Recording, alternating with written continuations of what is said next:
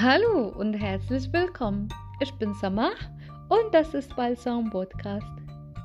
Wir machen weiter mit der Medizinfachsprache Podcast Serie. Heute kläre ich euch, wie man das Aufklärungsgespräch bezüglich der Herzdiagnostik umgehen kann. Der erste und wichtigste Tipp hält es einfach. Das ist ein Aufklärungsgespräch. Das bedeutet, sollte immer einfach sein. Versuch mal nur einfache, weniger komplizierte Ausdrücke zu verwenden. Der zweite Tipp, benutze keine medizinischen Fachbegriffe. Wenn das sein muss, dann versuch mal bitte das in allgemeiner Sprache zu klären. Der dritte Tipp, erzähl bitte nicht alles, was du weißt. Das ist keine Kenntnisprüfung.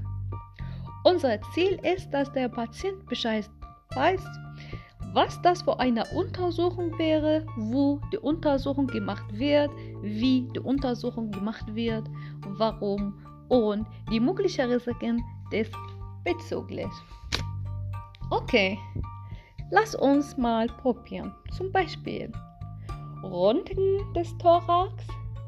Was ist das für eine Untersuchung? Das ist eine schmerzfreie Untersuchung mit Röntgenstrahlung. Wo? Das ist eine Untersuchung des Brustkorbs. Warum? Mit dieser Untersuchung konnten wir die Lungen und die Herzgröße beurteilen. Wie? Vor der Untersuchung müssen Sie bitte Ihre Kleidung und Schmuck ablegen. Während der Untersuchung müssen Sie bitte ganz still und ruhig bleiben vor oder unter dem Röntgengerät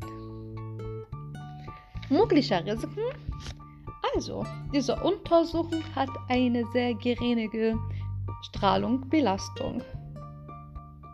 Die mögliche Dauer dieser Untersuchung kann ungefähr 15 bis 20 Minuten dauern.